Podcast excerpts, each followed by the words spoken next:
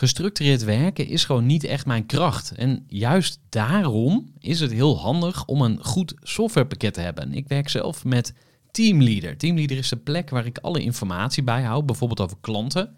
Waarin ik offertes maak en verstuur en die digitaal laat ondertekenen. Waarin ik facturen verstuur, waarin ik lijstjes bijhoud, waarin ik projecten kan managen, waarin ik standaard e-mails kan programmeren. Kortom, ik gebruik Teamleader om alle werkprocessen van mijn bedrijf te stroomlijnen. En zeker ook als je met een team werkt, is het heel fijn om over dezelfde informatie te beschikken. Nou, als je ook benieuwd bent of er mogelijkheden zijn om jouw bedrijf meer te stroomlijnen, of je nu alleen werkt of met een team, ga even naar teamleader.nl slash groeivoer en je kunt dan vandaag nog een trial starten voor twee weken lang, gratis. En je kunt Teamleader volledig uitproberen. En na de proefperiode krijg je ook nog zo'n leuke korting als luisteraar van Groeivoer. Ga naar teamleader.nl slash groeivoer. Gooi voor. Gooi voor. Zoek je inzicht, inspiratie voor je eigen bedrijf. Wil je elke dag iets leren? Luister dan naar Gooi voor. Welcome to a new episode of the Groeivoer podcast. In this episode, you will listen to Corinne Vigreux, co founder of TomTom and founder of Codam Coding College. TomTom is a company we all know from their navigation devices. Corinne was there in the very beginning. She co founded TomTom in 1999 and used to be the sales girl of the team, as she describes it. But when the market changed, TomTom pivoted their model. Currently, TomTom is a big provider of maps and location technology for the automotive industry. There are more than 4,000 employees working at TomTom all over the globe. Corinne is also the founder of Codam, a coding school where young people from all walks of life can become a software engineer from scratch for free. A big percentage of these students are women. Corinne was born in Lyon, but she lives in Amsterdam with her husband. I am very curious to hear from Corinne a little more about the early days of TomTom. What challenges did she face and how did she deal with them? How to get customers as an entrepreneur, how does she manage her time, and as always, I have many more questions, so let's just dive into this new episode. Corinne, welcome to the podcast. Thank you. Happy to be here. Voor de kennis en ideeën van een interessante gast. Die haar verhaal met jou wil First, I would like to uh, get my listeners to get a bit more image of you. So, would you please introduce us to the small Corinne? What kind of girl were you, and where did you grow up? So I grew up in uh, in the suburb of Lyon, which is uh, one of second biggest uh, city in France. Uh, about uh, one million people in the center. A lot of people know Lyon because they drive through it when they go to the winter sport. And um, I was my uh, grandparents were Italian immigrants. They uh, arrived in 1921. They crossed the border to France to find work. And my grandfather was working for a big, uh, a big uh, factory.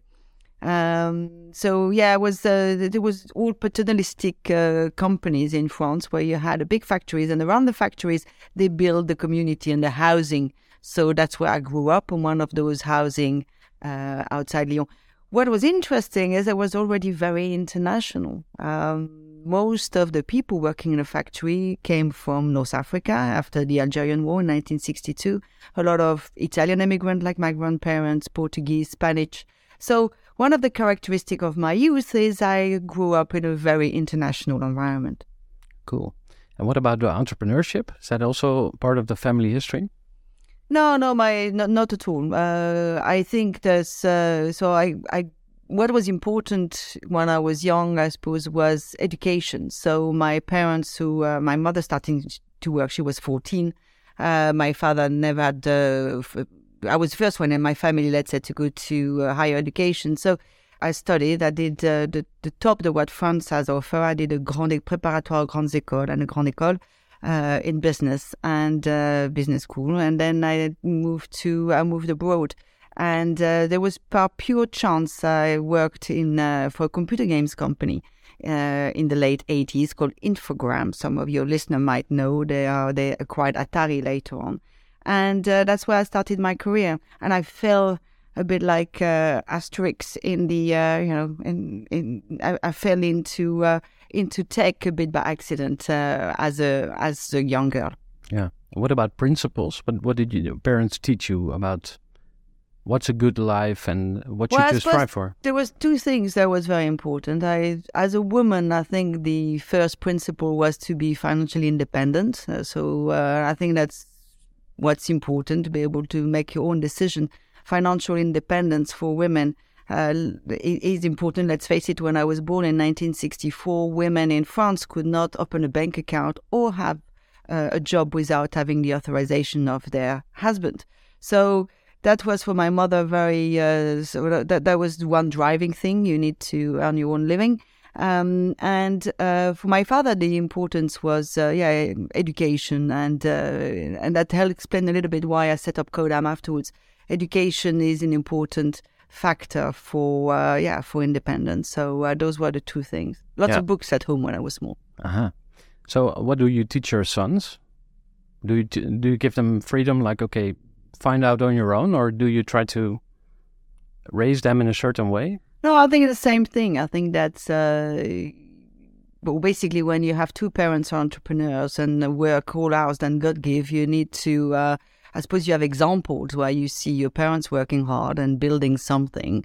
Um, what's interesting with my children is actually they are yeah they they did maybe by osmosis they kind of always worked and never had to be too much after them. They uh yeah they they worked hard and they're now both employed. They are 28 and 26. And uh, funnily enough, they both studied computer science. So uh, they're both software engineers.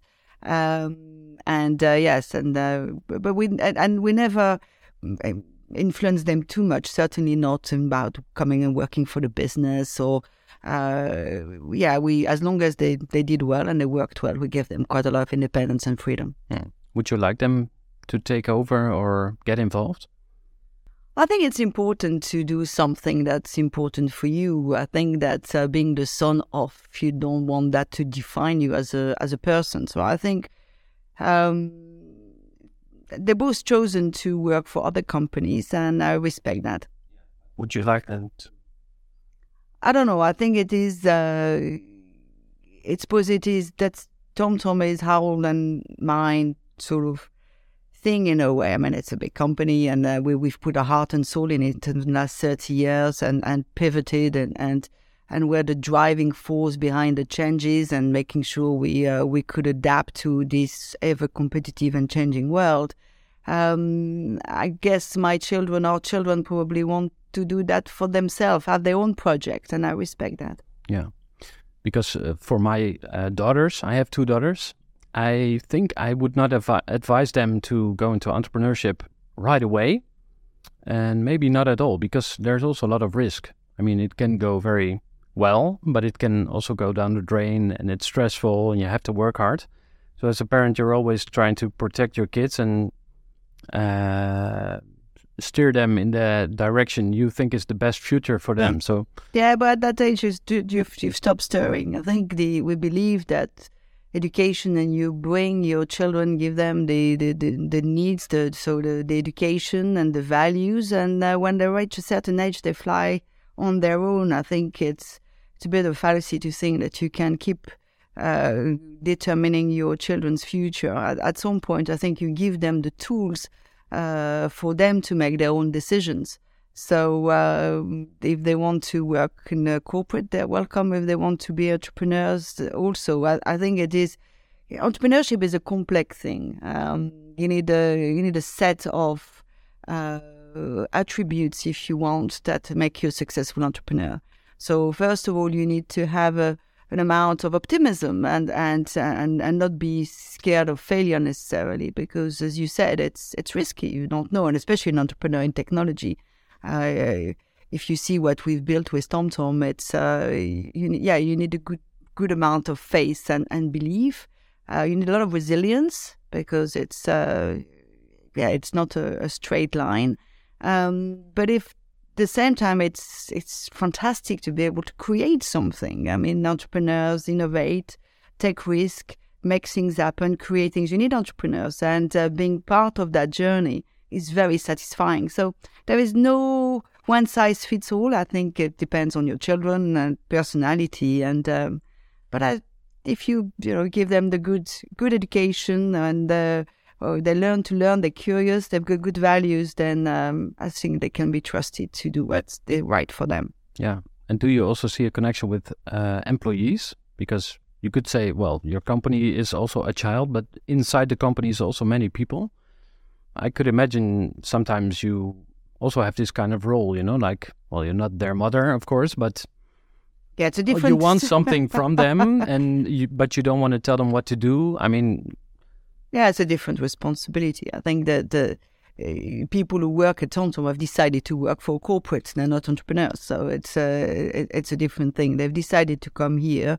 I think what people work here like is the entrepreneurial spirit, uh, the fact that we are very. First of all, we, we're very passionate about what we do um, and have been for the last thirty years we are very uh, inclusive culture and uh, we're accessible. Uh, so I think uh, a a lot of TomTomers, and we have a lot of boomerang people who leave TomTom and find it difficult sometimes to adapt to other culture in other companies and come back. And what they like here is that, uh, yeah, that, that openness and that the fact that the company is also working on something impactful. Um, if you look, there was a, a time before TomTom and after TomTom. Uh, we were the one who brought digital navigation to the world. That had a huge impact uh, in terms of safety on the road and people daring to get into their car and driving from A to B. Before us, you had to you know, look in your uh, A to Z or interview in the UK or look at on the map. And it's when you're driving, it's very dangerous and it's very difficult. So there was we really created a, a completely new category. I think we went from zero to one million units, number of so the first million units faster than the mobile phone. Yes. So you can imagine that the demand was huge. And I always like to say that we saved a lot of marriages, so people stopped fighting in the car.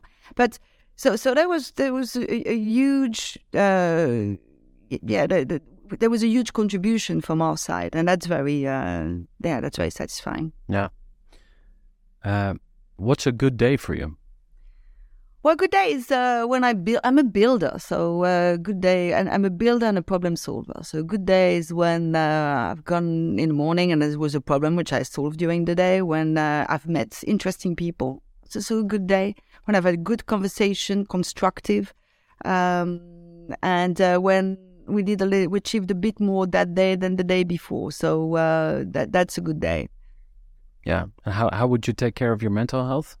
Yeah, so I, I, I run a lot. So I, I run, I do, uh, I swim once a week. I cook. Actually, believe it or not, that's my way of relaxing. Yeah, it's being able to uh, to detach as well, and uh, yeah, like uh, like athletes having a, a an hygiene of uh, that keeps you uh, keeps you going. And Yeah. because you need to also be able to think clearly. Uh, you need to make a lot of decisions, and entrepreneurs, there's a lot of decisions you make during the day. You need to be sharp, so you need to be fit. Yeah. So is there also something to avoid? Would you say, okay, uh, do this, but don't do that? What would you avoid?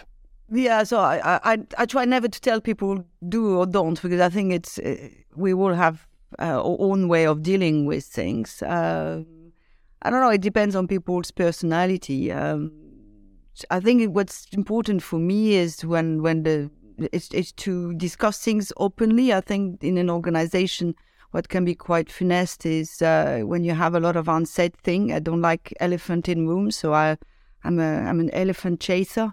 Uh, I, I like to maybe I learned that a little bit in Holland as well to be relatively open and address issues uh, relatively quickly, um, not let things fester for too long. Um, and I think people appreciate that. I think it's treating your colleagues like uh, like equals, treating them uh, with like adults, and and and addressing issues regularly. And in some companies, you have to what they call you know performance reviews. You do it once a quarter. I quite like addressing things things on. Uh, if there is an issue, I'll address it, or good or bad, so that uh, that we can move on. So I think that's uh, that's my way of dealing with uh, with stress, and also in I believe in in in teams, uh, working together and building trust with the team, and that's the way I, I build trust, and that is good for your stress level. Yeah. And what about discussions in the boardroom about this these kind of topics? Yeah, so we Because you have one opinion and then there's the other. No, but we, we are very open. I think that's again that's a characteristic of TomTom. There is no uh, we we are. If you have a trusted environment, uh, you you can talk, uh, you can express your ideas, and I think that's very important. At the same way as if you have a trusted company, well, we have a lot of people working remote. Uh, that's uh, one thing at TomTom. We did that before COVID. We still do that. We have, as you said, five thousand colleagues all over the world the, the trust is a very important uh, aspect in our culture, and I think it's uh, also you find that in the teams or you find that in the boardroom.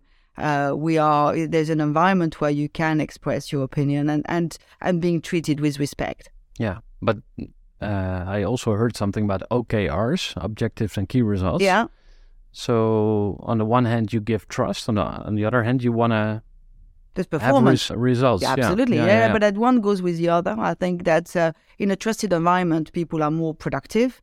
Uh, they are clear about their role and responsibility, um, but they can do things in a more open way. But of course, we are uh, the key results. We're a very driven organization. If you think what we've achieved and the way we've we've driven the change, and today we are big, one of three global map makers in the world. We are embracing completely new way of making maps. That's massive change, and you do that by taking your people with you, explaining uh, the, the the north star where your company is going. Uh, so having clear OKRs and, and key result and deliverables, but you want to do this in a in a in a way that you maximize people's talent uh, and their input. It's not a top down necessarily. You want. Uh, I look at the organization like a lot of different talents, a lot of different point of view uh, from different culture, different countries, different gender, and that is what uh, is good for innovation. So that makes who we are. Trust is important. Yeah. And what about leadership? Do you think everybody could be a leader? Because there are many entrepreneurs listening and they might have a team. And then it's always tempting to think like, okay, I need my team to step up and, and take initiative and tell me uh, the, the right solutions. But sometimes I get the feeling that not every employee is fit for leadership. Some people just want to follow orders. How do you look at leadership? Is everybody a leader? No, I, I, I think leadership is in today's world is extremely important. Being able to take people with you, but again, you can, you know, you can take people. You, you can tell people to water. You can't make them drink. So, so you, you need to really take time in in uh, in explaining why you're doing what you're doing. Also, there's various forms of leadership. You've got leadership by uh, example. You've got visionary leadership, so people will follow someone because they think they've got a fantastic vision uh, and they will fill the rest. You've got, uh, but not everybody is a leader, and not everybody wants to be a leader. There's also quite a big responsibility with leadership. But um, so not not everybody wants to be a leader, but I think it is something that uh, we, we spend at TomTom a lot of time on that, on, on leadership and uh, leadership skills and training our top leaders, especially uh, people who, who are supposed to have a leadership role in the organization and helping them. And I think leadership is something that's changed dramatically. I come from a French society that's extremely hierarchical, where you follow the boss and then you, know, you don't. And to the Polder model, which is uh, we do everything together in Holland. I think it's in between. In between, so you you also need to make decisions. So a completely collaborative system doesn't always work. You need someone at the end of the day who's going to decide. You can't spend hours. Uh, you can spend hours discussing, but at the end, someone needs to make a decision. So, so that's also important because otherwise you don't move on. At the same time, you don't want to impose and, and sort of be very prescriptive. Uh, this is not this company culture anyway. Of of you know, the, lots of hierarchical layers and, and being very prescriptive in what needs to be done. We but we are lucky as well that we work in an organization with a lot of engineers, so you have a very educated workforce as well. What we're doing is at the cutting edge of technology. We're using a lot of artificial intelligence uh, for making our maps. So we have uh, uh, yeah, quite a unique set of colleagues as well. So who, like uh, being uh, respected and contributing to to what it is that we're doing, to the objectives of the company, making the smartest map on the planet. Uh, so we are lucky in the space we are. It's not that doesn't work for everybody and every organization, of course. Yeah. So how do you deal with? Well, uh, sometimes uh, uh, when I walk into my office, and I don't see a lot of activity, I might think, okay, what what are you guys doing the whole day? And if you have a bigger organization, you might think, okay, do I really need all these people? So there was a, a, a research conducted, I think it was in Germany, and they found that uh, one out of every 12 employees was, well, they, uh, they weren't needed for the process. What's your vision on that or your opinion? in some in some some countries, it's uh, that's the way it works. In the Japanese culture, often you you have that people that are there, and that because it's uh, you know the, the, their job is not there anymore, but they're being kept so that it, it depends. But I think that uh, if you look at a company like ours, where you need to be extremely agile, what we spend a lot of time on is organization. I'm a great believer in a, a good organization design uh, is also a superpower. And that means that you need to very often look at role and responsibilities. But I also think it's very important for your colleagues. So you want to know in the morning, I think, that when you go to work, what am I contributing? What it is. Uh, um, so, what do I contribute to my team? How my team contributes to the objectives of the company. So, I think what's important is uh, as leaders, that's also our role to maximize people's potential, help them be in a role where they get the most out of themselves. So they go to work in the morning and actually they enjoy, they, they, they think, okay, they, they're going to have a good day or they, they feel the, the need. Why, why am I doing this today? And I think it is important for all of us human beings and more and more, if you look at this new generation, you know, I'm going to spend a lot of time at work. What my impact? What would not have happened if I had not been there? Yeah. So, and I think that keeping looking at people's impact, role, and responsibility is very important. So, um, I'm we spend a lot of time on that. I spend a lot of time on that, in looking in my teams uh, and as an organization about role and responsibilities of people. On the other side, as I said to you, we are a culture based on trust. So you also expect people to say, well, look, you know, uh, when you have 5,000 people, that's a lot, but you have company with many more people, is uh, you, you can't, you don't know everybody. So you also expect that, that throughout leadership and management, you get the, the, the right, everybody is applying the same principle. And same thing, you apply people that are, they want more responsibility in the organization to raise their hand and, and speak up. And if you have a trust organization, people will do that. So, okay, well, I've seen a, you know, I think I've finished this task or uh, I've seen something else in the organization I'd rather do. Uh, can, I apply to this new job? And so it is part of that cult- of that culture. So you need to assume that people are coming to work, have something to do, and that if they don't, they will raise their hands and they will they feel that there's enough trust that they can apply for another position. Yeah. So, uh, what would you do if you had the feeling that someone would be better off somewhere else? Yeah, so it happens regularly when you, you talk to people and uh, and you. I think with age you also develop an, an experience. You develop a bit of a feel where you also you take a risk on someone. You say, well, I think you could, especially in today's world where the jobs are changing all the time. It's not that you you know you train as an accountant, you're going to be an accountant all your life. And so as an organization, you look at much more literal uh, how to move people laterally you have jobs that didn't exist a few years ago. I mean, if you look at marketing, the, the some of the the, the, the skill set is completely changed. Uh, you know, in the olden days, you yeah, you were looking at, at advertising in press or billboards, campaign or billboards, yeah. and now it's growth hacking, audience definition. You use social media, a lot more content creation. So, so those people are. So, so how do you make sure that your current workforce is embracing those new roles? Um, and it's by as leaders, you want to give people the chance to say, okay, well, I think you would fit that well. What do you think? Or people come to you and say, look, I've been doing this for a while, but I think I'd, I'd, I'd like to try this. And if you, uh, yeah, and, and yeah, let's try. And, and if it succeeds, then that's good. If it fails, it doesn't matter. We'll, we'll try something else. I think that's also important to create an atmosphere in an organization where people are not necessarily scared to fail. Otherwise, they don't take any risk and then you don't move forward. Yeah. Maybe it's also nice to um, take a look at the uh, the origin story of TomTom. I'm sure you've uh, talked many times about it, but could you give us a little overview uh, from the early days? Right. So we, we started uh, with four of us, basically three three guys from Amsterdam University and me, and they were the, they were coders, and I I was doing everything else, uh, Yeah. mainly sales marketing, but also everything else, coffee and uh, organization. And then we, what we were very good at, we were making software for small uh, handheld computers. So if you go back into the early 90s, uh, you didn't have uh, internet really. You you had uh, you didn't have uh, data connection, so you had small computers like Psion or later on Palm Pilot, and and we were making software very easy to use software on those devices.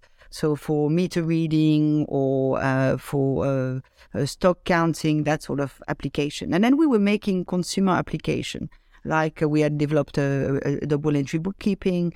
Uh, we had bilingual dictionaries, that sort of application. So we learned, um, and why is that relevant? Is because we learned how to make very easy to use software for people. So can you imagine a world where today you got an iPhone and it, you use it because it's very easy, but that didn't exist at the time. So you wanted to have a, a very easy way of using technology, and we were probably one of the precursor in in making very good user interface.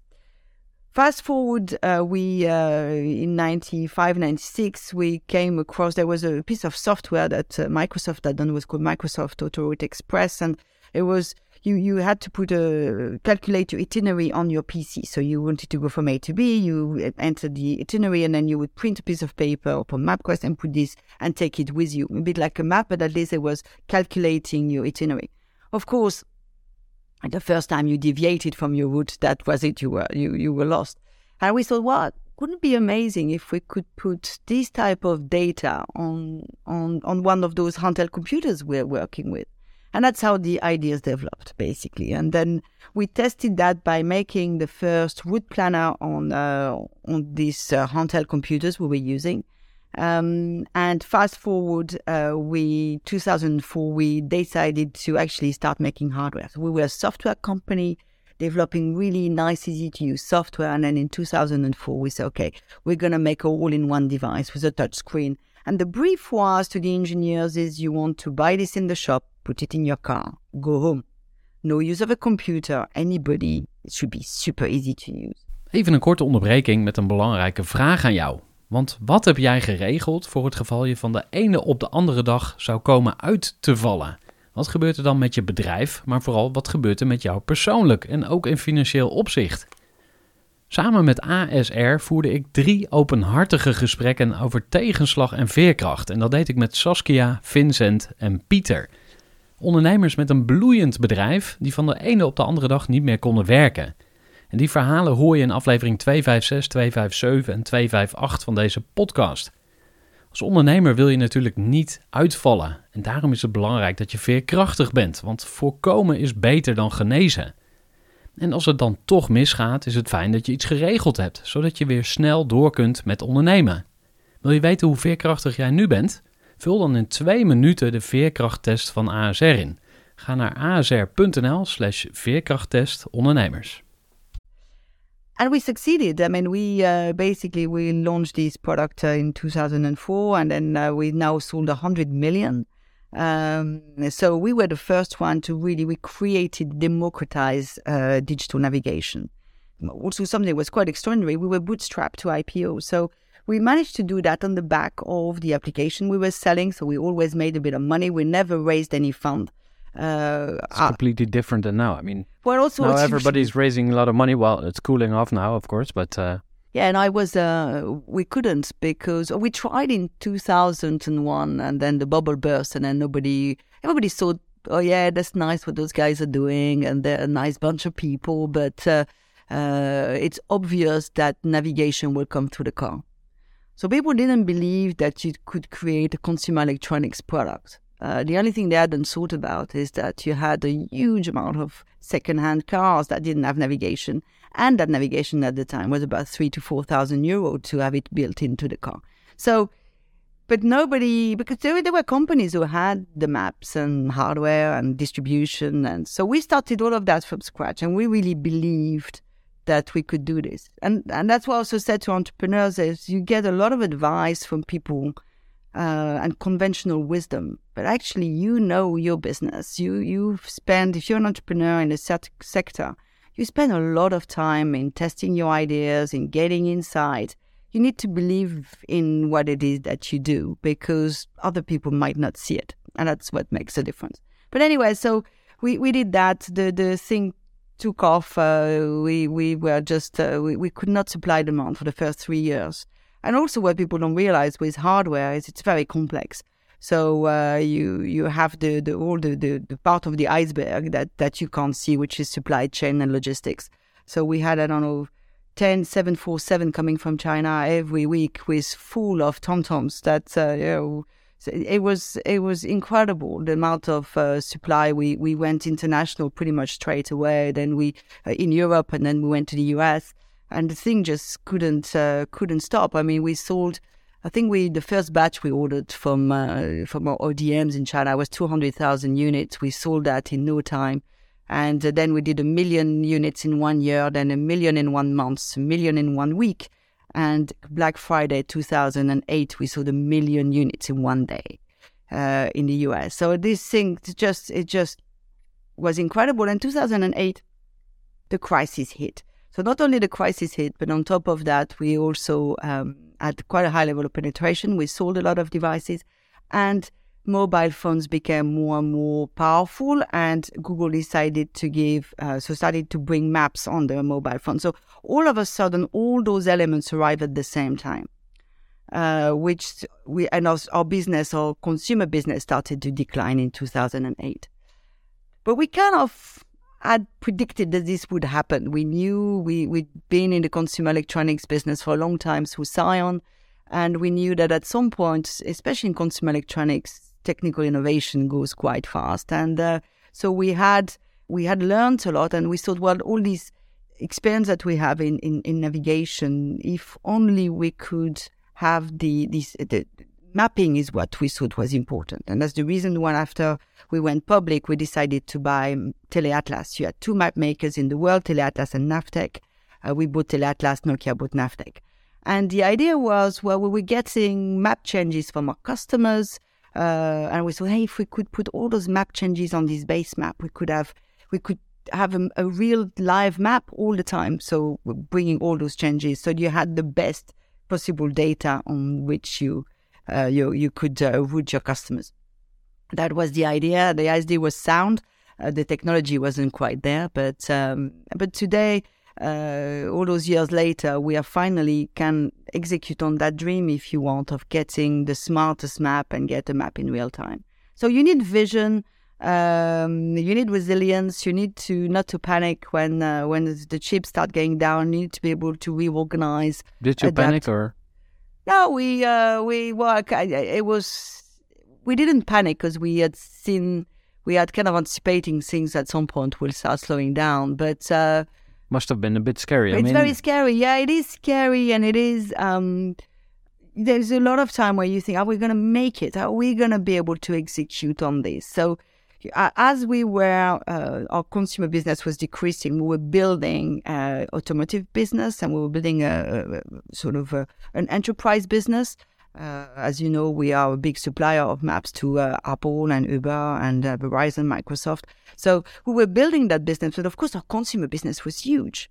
So you need to, you have that whole huge business that's declining year on year, 20, 30%. And then at the same time, you're growing your enterprise and your automotive business at the same time. So you, you have to manage this whole organization. It's, it's huge in terms of transformation, different skill set, different. Uh, I would be scared. I mean, yeah, well, you have your own fear, and then you have uh, so many people looking at you like for the answer. Yeah. Like, okay, where are we going? Yeah, we don't know. I mean, yeah, and we were lucky to, again, as I said, Harold is is, is very strong vision. It, also the, the, the acquisition of TeleAtlas and, and building these maps and getting that asset right, that that map right was was the right thing to do. And I think that's uh, people we always managed to yeah, to to show the, that we had the path forward, and, and, we do because we're still here today, and uh, you know, with cash in the bank and uh, with business that's uh, hopefully will we can we, we're guiding to to growth, and I think that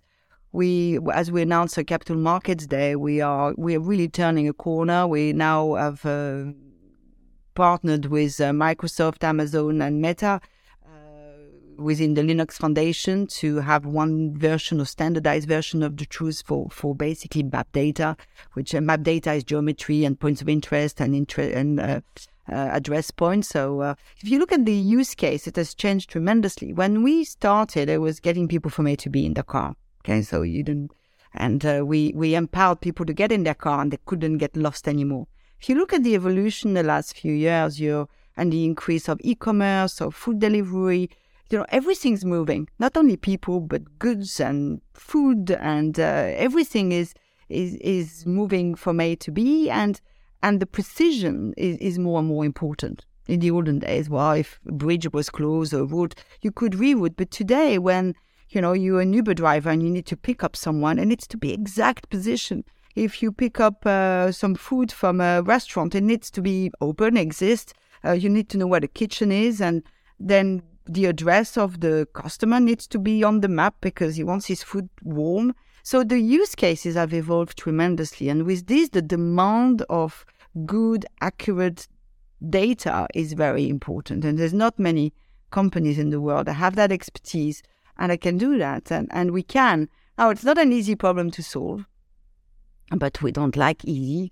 Uh, that's what we also managed to get. So we get tremendous engineers and uh, that are sharing this uh, this dream of uh, of making of solving this problem. And also, if you if you look at the, the, the bigger impact of a company like TomTom, if you look at you know safety on the road is something that we when we the first sat nav came to market, we could see a decrease of deaths on the road was quite dramatic. So there's a big impact as well in what we do in in getting things yeah the, the world a bit of a safer place. So yeah, at, at many levels, what we do is very impactful, and it goes back to. Uh, to getting up in the morning and doing something that you think is meaningful. Yeah. Uh, you talked a bit about uh, the crisis.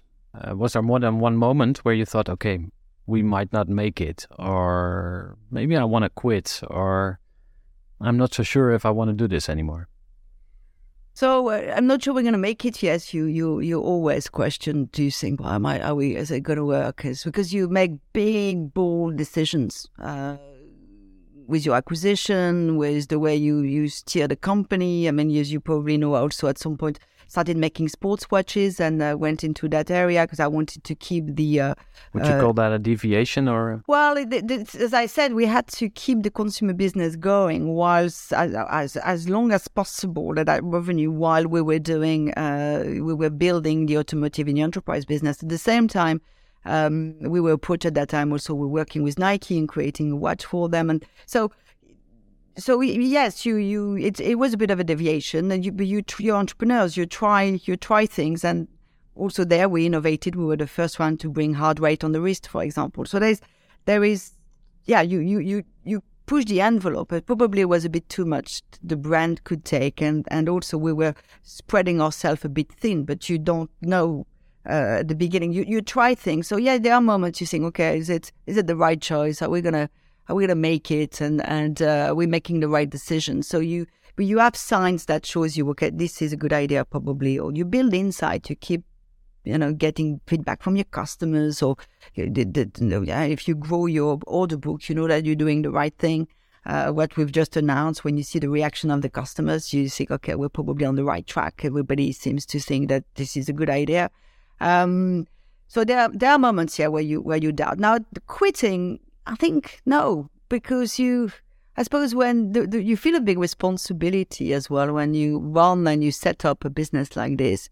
Uh, I think both Harold and I always felt a big responsibility towards our colleagues and, and employees, and also the role we were playing. Uh, again, this is the there's only three companies in the world that can do what we do today and one is you know a big American company. So you think you want customers to have a choice as well. So there are many aspects that make you want to, and it's quite unique what we're doing. So you no, not quitting.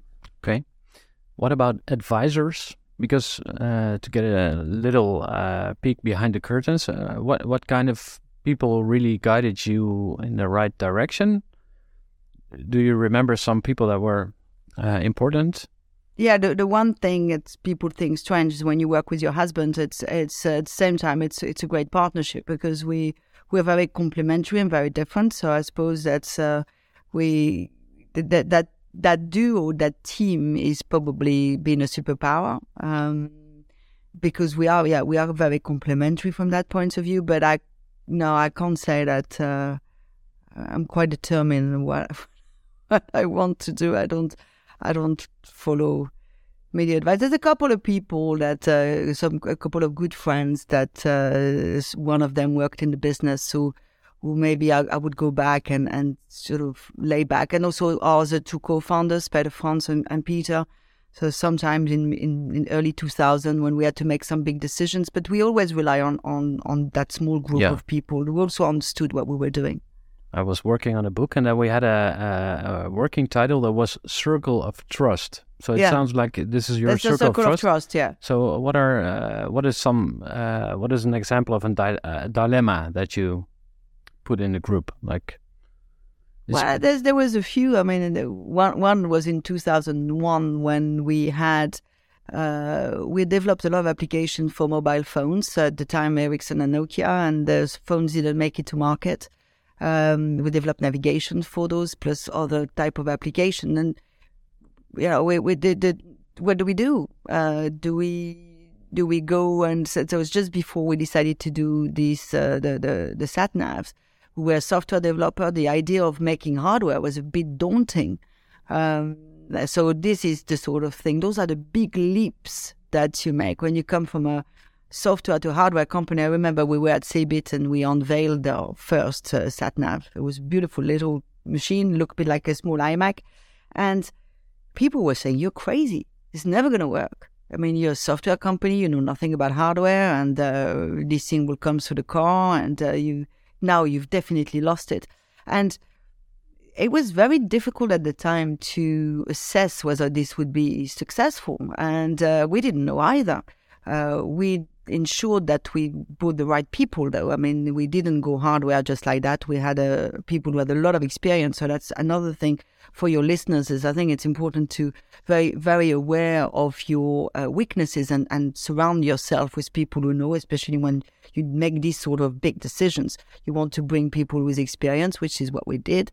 Um, so yeah, the circle of trust was we do that. Uh, the same next time as when we bought Teleatlas. I mean, was, was this was a, a massive purchase. Uh-huh. It was a bit. Uh, this, com- this company was bigger than us and uh, bigger valuation. Yeah, so do we do that? And that circle of trust, where that was the uh, yeah, that that's where we make the decisions. Yeah, so that's two examples of uh, business decisions. In business, you also need to make decisions based on how you feel about things. Did, did you develop it? Yeah, I think that is. It's a good question because it's it's always uh, often asked the difference between how much is your decision are based on intuition, how much is based on fact. Now the thing is, when you're an entrepreneur in a field that's new, uh, there's no facts to rely on. Yeah? So if you uh, if you're in a business that's existing, then you can look at history. But we didn't have any history. Uh, our products never been made before. It's, uh, so you get very little. So you, as an entrepreneur, you you develop a skills which is making decision uh, in uncertain times. So uh, with very little, uh, with with a lot of variables, so very little certainty, and that's the way you hone your intuition. So you you you do a lot of dingen gevoelsmatig, a lot of mm-hmm. with, with, intuition. At the same time, you try to hang on a few things just to corroborate, so a few facts to corroborate or help you with that decision making. But I can say that a lot of the time, especially in the type of business we're in, a lot of the time is is guts and intuition, and that's and you own that over years. So the older you get, the better that tool is and sharper that tool is because you especially if you're in touch with if you you know you keep learning and analyzing the situation you're in. So it's a bit of a bit of both but it's difficult yeah. to you know in, in in our business there's very little to look on or to uh, so yeah you need to there's some big leap of faith. Yeah also uh, would like to dive a bit uh, into marketing and sales and then um, i think it would be good to uh, also go to Codam which is also a very important project of course well I don't think we should even call it project. It's much more than that. But um, it strikes me that you really like marketing and sales. Um, and I also connected to uh, the, uh, the topic of money. So um, there could be a, um, a thought like, if I want to make more money, I should have better marketing. But maybe you could. Uh, Now, money's, money's never been a driver for me. Uh, that's never been, uh, certainly personal gain has never been a driver. It's it's a consequence of doing well, and that's nice. Uh, let's face it. It's, uh, but it's not. Uh, it's never been what drives me. I think sales. I, what's interesting. I mean, I, I always say I'm the sales girl because uh, that's uh, that's what I enjoy. I enjoy selling. I enjoy getting people to seeing people driving with our products. I mean, uh, I enjoy uh, the, the the challenge when I you know I sold to a lot of retailers all over the world and uh, car manufacturers, and uh, there is something quite exciting in in getting your technology and your product in the hand of someone else and and solving a problem for them. And so I that's the way I look at it. So uh, sales often has a very pejorative tint to it. Well, actually, I think that's the the the nerve of the war. I mean, that's that's what that's what makes the world go round. And I think you can't, you know, what we do is is uh, when you develop an idea. It's I've seen a lot of ideas, often developed by universities or whatever. If they stay in the drawer and they're not being used or sold to anyone, what's the point? Um, so I think sales as not as a pejorative at all, but as an enabler, and that's the way of getting your product over the line. That's a way of getting at the right price, so uh, so you so people can enjoy it. And so I I think there's a lot of uh, and it's interesting because I'm interested in people. It's also there's something exciting in, in convincing someone that your product is the right product or the right technology, uh, and that human interaction is something I enjoy.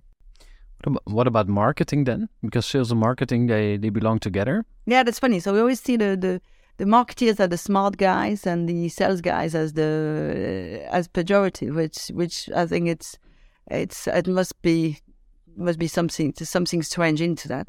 Um, yeah, marketing is, is helping sales. I mean, marketing is is kind of you know it's like in, in rugby. You know, you, you set it up and then sales will convert, but the marketing is there to to get you to uh, to sell your product, explain what it is that you do, and uh, so I think the two needs to work hand in hand. It's getting more complex. I think marketing is clever. You need to uh, yeah understand your audiences, and it, it is there is some sort of strategic aspect to marketing that's that's also a, an art more than a science. But um, but I think the two go hand in hand. Yeah. And uh, what importance is there for the brand? Is that important? Yeah, brand is key. I mean, I think that when we started our first product, a year later, there were 430 different companies that have that came with some sort of sat nav. So the brand is protects you. Huh? So if you uh, if you have a, the, the brand is always the, the if you invest in your brand and people the brand perception is that you've got good quality product whatever you you want your brand to be that's a big uh, protection for you. You can ask more money and it's a protection for you for, for what it is that you do. So the uh, the stronger your brand is the better it is for you as an organization. And it's very important to to maintain that brand and and a brand is is got a lot of longevity. So if you look at the TomTom brand is very well known globally. Uh, now that we're doing so, so, so it's not much sat nav, but but more these these big technical real time maps that we are making. There is a moment we say, okay, what do we do? Do I do it on another brand? Do I keep the brand? And It's a uh, hard question. it's a hard question, but there's a lot of sympathy. Uh, So we did a big brand survey, and there's a lot of sympathy in the brand. Um, and so we decided that it was it was better to to keep it. But you have this association. Of course, TomTom makes satnav. Satnav is you know the heydays of satnavs are over, so TomTom is over. That's Like so you- Kodak and yeah, yeah. So you need to go over that, and uh, or not, because the audience we speak to, the automotive and enterprise audience, know what it is that we do, but the, the the consumer audience at large doesn't know anymore that actually we are the full front runner on on map making. But um, but there is sympathy with the brand, and at least what we're doing is still very much in line. I mean, the, the, that navigation, that routing, uh, uh, traffic information. I mean, we're traf- we're leading in traffic information worldwide. you, this was what we did in our sat nav. We're now doing it on another, now on, on telephone or in your car.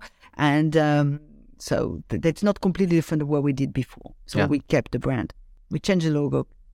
So what what if you uh, employed twenty people, and you had to build a brand? Where where would you start? But that's what I've done with Codam. I built a brand. So uh, with Sh- five people. Maybe uh, we'll get back to uh, Tom to to take a look in the future, but let's go to Codam because you you built that from scratch, or Yeah. how did it start? Yeah, we built it from scratch. So we, we it's based out of the of the 42 model in France. So that's uh, was set up by a French entrepreneur. Uh, I So- saw this So model. what what is that model? So the model is a peer. So 42 uh, is so it's a peer-to-peer learning uh, coding school. So uh, it's uh, the, the idea is that you don't need any qualification to get in uh, or any diplomas or anything. Uh, what you do is an online test, which is based on logic, and then you check in, and then you do one month selection months, and that is a way for us to see whether uh, you'll be able to work with this peer-to-peer model and for the pupil or the prospective student to make sure that they like they like the model and they like computer science. So once they've done these months, which is and people think oh peer-to-peer learning there is no curriculum. Actually, there is quite a strict curriculum, uh, project based. Um, so on the computer, so you come in, you follow this this model for a month. Then we, based on your result, we decide whether you you're fit to get in, and then it's a two-year course roughly to get the equivalent of a bachelor. Uh, so you didn't have no teachers. Uh, you are uh, you need to be in the premises. So it's uh, there is this a proper school, there's a physical location here in Amsterdam With proper food? with proper food. Yeah, I, I built a restaurant next to it, so you're only joking, but I have done that with proper Yeah. food. Um, actually, there are 50 schools now in that network all over the world. Uh, so the students can study. Uh, if you, you do the first two years at in Holland, you could do the last two years in uh, in Paris. Um, Aha. So Codam is part of a bigger yeah, network. we're, we're part of this 42 network where there are 50 schools all over the world. Um, and you, so let's say the first two years is uh, equivalent of a bachelor.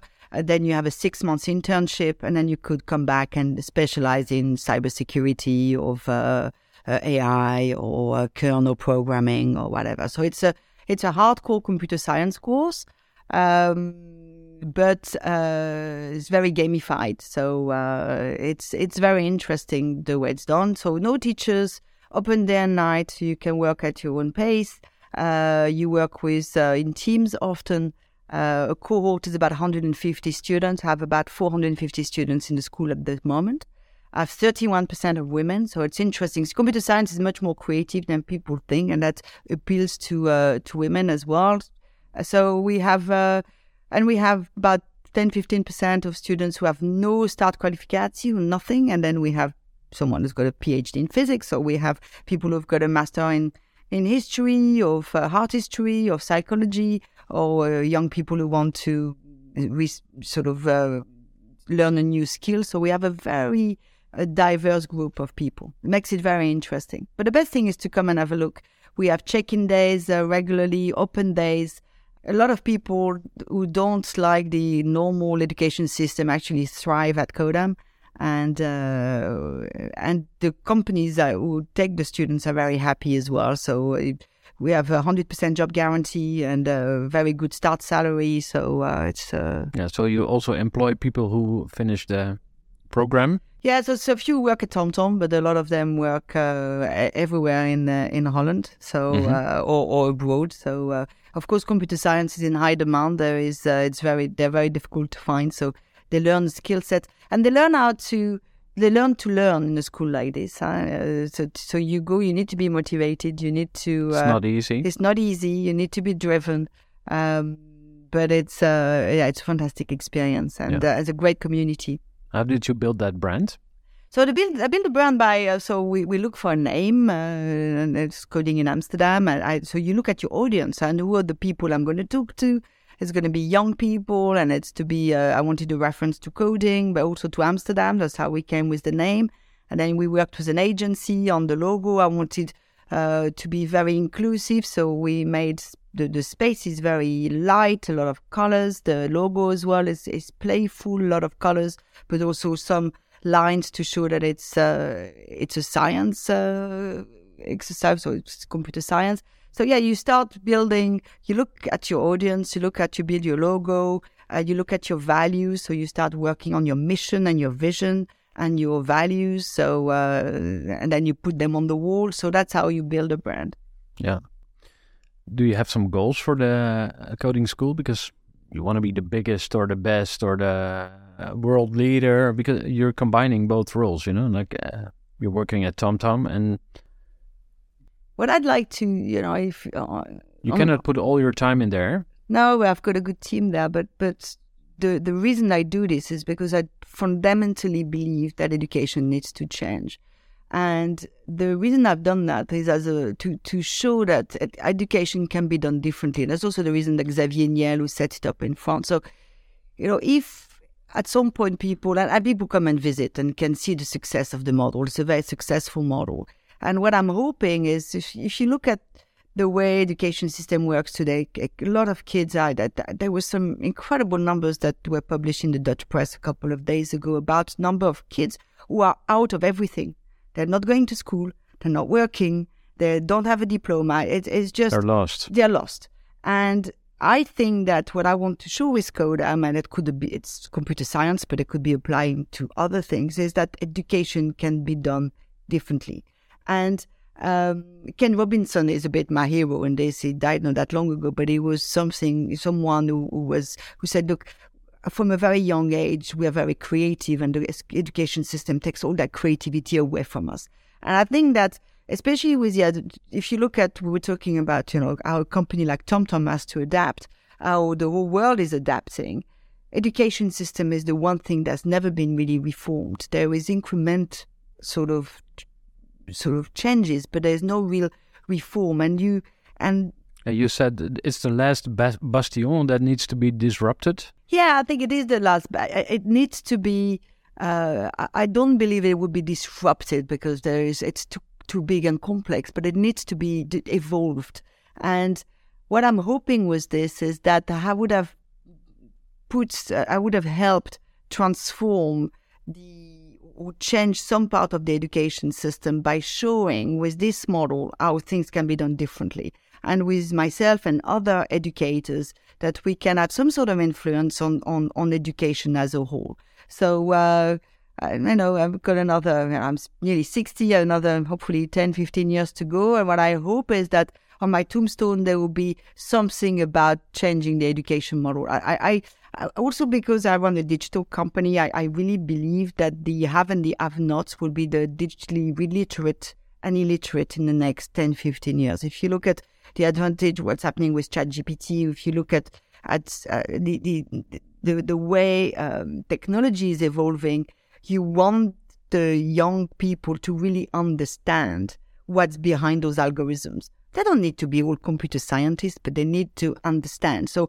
I would, for example, you know, if you're gymnasium, you learn Greek and Latin. I said, well, maybe I would just put com- a computer language very early on, whatever, just just to show that you know, the, to, to open, it, it's, it's not black magic. It's just coding is something that's, that's not scary. Uh, so that's, that's the one thing, that's my, my aim. So it's not to be the, the better stock, but it's really to, to bring computer science to a bigger audience. And I'm working on another project at the moment with uh, Gemeente Amsterdam in bringing uh, after school program for uh, 12 to 18 year old, uh, also on robotics and computer science and, and, and other activities. That, that digital education, I think, is absolutely crucial. And also because so many jobs have got some sort of digital component, you really want young people to all of them have at least of a, a minimum of understanding of what this means.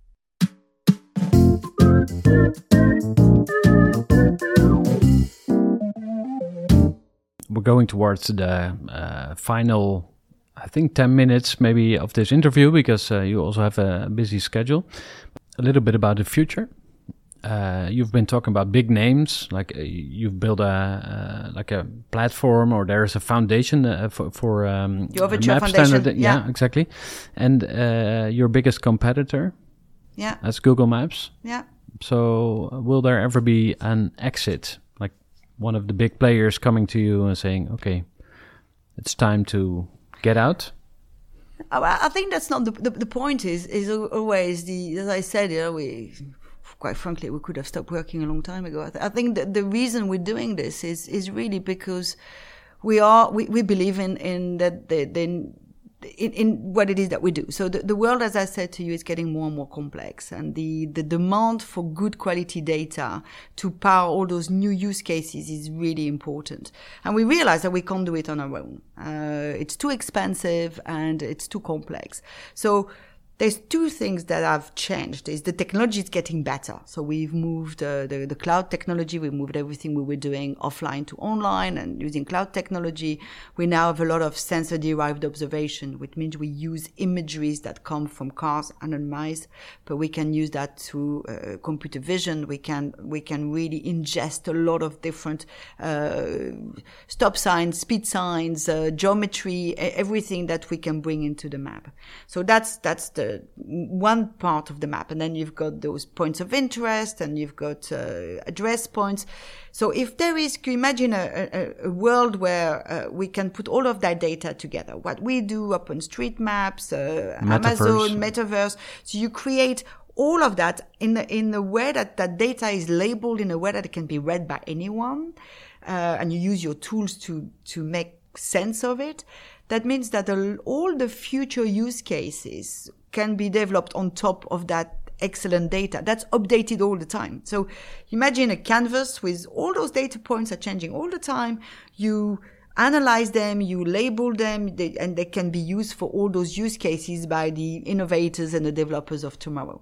It's also important for customers. In, in our business, when an automotive customer, an enterprise customer decides on a supplier, they, it's a long-term decision. uh, they, they, they will do, uh, decide today, they will come into their product maybe in two or three years time and it needs to be valid for 10 years. So all those customers, all those use cases want to work with people where they know will have the best product and, and as open as possible. So that's what we, we want to do. And we also feel that the world needs a choice. You don't want to only have one party that provides that data. Geolocation data is very strategic. It's very sensitive. Uh, and I think it's important for customer to have choice. So that, that's what we're doing. Yeah, nice. It's time for the final question. You already have a lot of experience. It would be nice to hear from you uh, one or maybe two lessons that really stand out. So, my question is if we could forget about the whole interview and everything we've heard, what final lesson would you want people to take home? um, again, work is a, you know, people ask about work-life balance. I, when you're an entrepreneur, the two are kind of, there is not work-life balance. Your, your, your work's your life. And, and, but also even if you, it's, you're not an entrepreneur, I think we spend so much time doing something. I think it's important that, that you do something that you, that you feel really passionate maybe too much, but because not everybody can be passionate about things all the time, but just direct the, the, the, the working time to something one enjoy. So I think that, um, uh, I've been privileged enough to, and I suppose it's in my character, I, I, I tend to direct and do stuff I like. And funnily enough, the stuff I like, I tend to be good at. And I think that, so, so that's a bit the lesson for myself. I say, what I'm, I'm, you know, people said, you regret anything? I said, I don't work in regrets, but I've, I've always done things. I've directed the, the work I was doing with, with the things that give me energy. And, uh, and whether it's at TomTom or whether it's setting up Codam or whether it's building something or whether it's making an, you know, a pate, uh, it's, it's the same thing. It's, it's, it just gives me energy. And, uh, so, and we all have something that gives us energy and it's different for all of us. But I think we should, one should, for me, it's worked anywhere in getting, uh, getting over the stressful times and, and, uh, and keep making me curious. So that's one thing. Just just directed my own life and, and with the stuff that give me energy. Uh, so that's one thing, and, the other is the uh, yeah that's a bit obvious, but it's the simple things in life that makes makes you're happy. I mean, people ask me, oh, "You've got this, you've got that," and but no, my happiest time, my happiest time is when I'm with my kids and my husband and uh, walking in the woods. That hasn't changed. That's still the same. That's not. That's uh, the, the the yeah the simple, easy moment with close friends, family that are still the most uh, cherished. And uh, whatever that is you've done or achieved, that keeps and remains the most important. Corinne, merci beaucoup. You're welcome. Gooi voor. Gestructureerd werken is gewoon niet echt mijn kracht. En juist daarom is het heel handig om een goed softwarepakket te hebben. Ik werk zelf met Teamleader. Teamleader is de plek waar ik alle informatie bijhoud, bijvoorbeeld over klanten. Waarin ik offertes maak en verstuur en die digitaal laat ondertekenen. Waarin ik facturen verstuur, waarin ik lijstjes bijhoud, waarin ik projecten kan managen, waarin ik standaard e-mails kan programmeren. Kortom, ik gebruik Teamleader om alle werkprocessen van mijn bedrijf te stroomlijnen. En zeker ook als je met een team werkt, is het heel fijn om over dezelfde informatie te beschikken. Nou, als je ook benieuwd bent of er mogelijkheden zijn om jouw bedrijf meer te stroomlijnen, of je nu alleen werkt of met een team, ga even naar teamleader.nl slash groeivoer en je kunt dan vandaag nog een trial starten voor twee weken lang, gratis. En je kunt Teamleader volledig uitproberen. En na de proefperiode krijg je ook nog zo'n leuke korting als luisteraar van Groeivoer. Ga naar teamleader.nl slash groeivoer.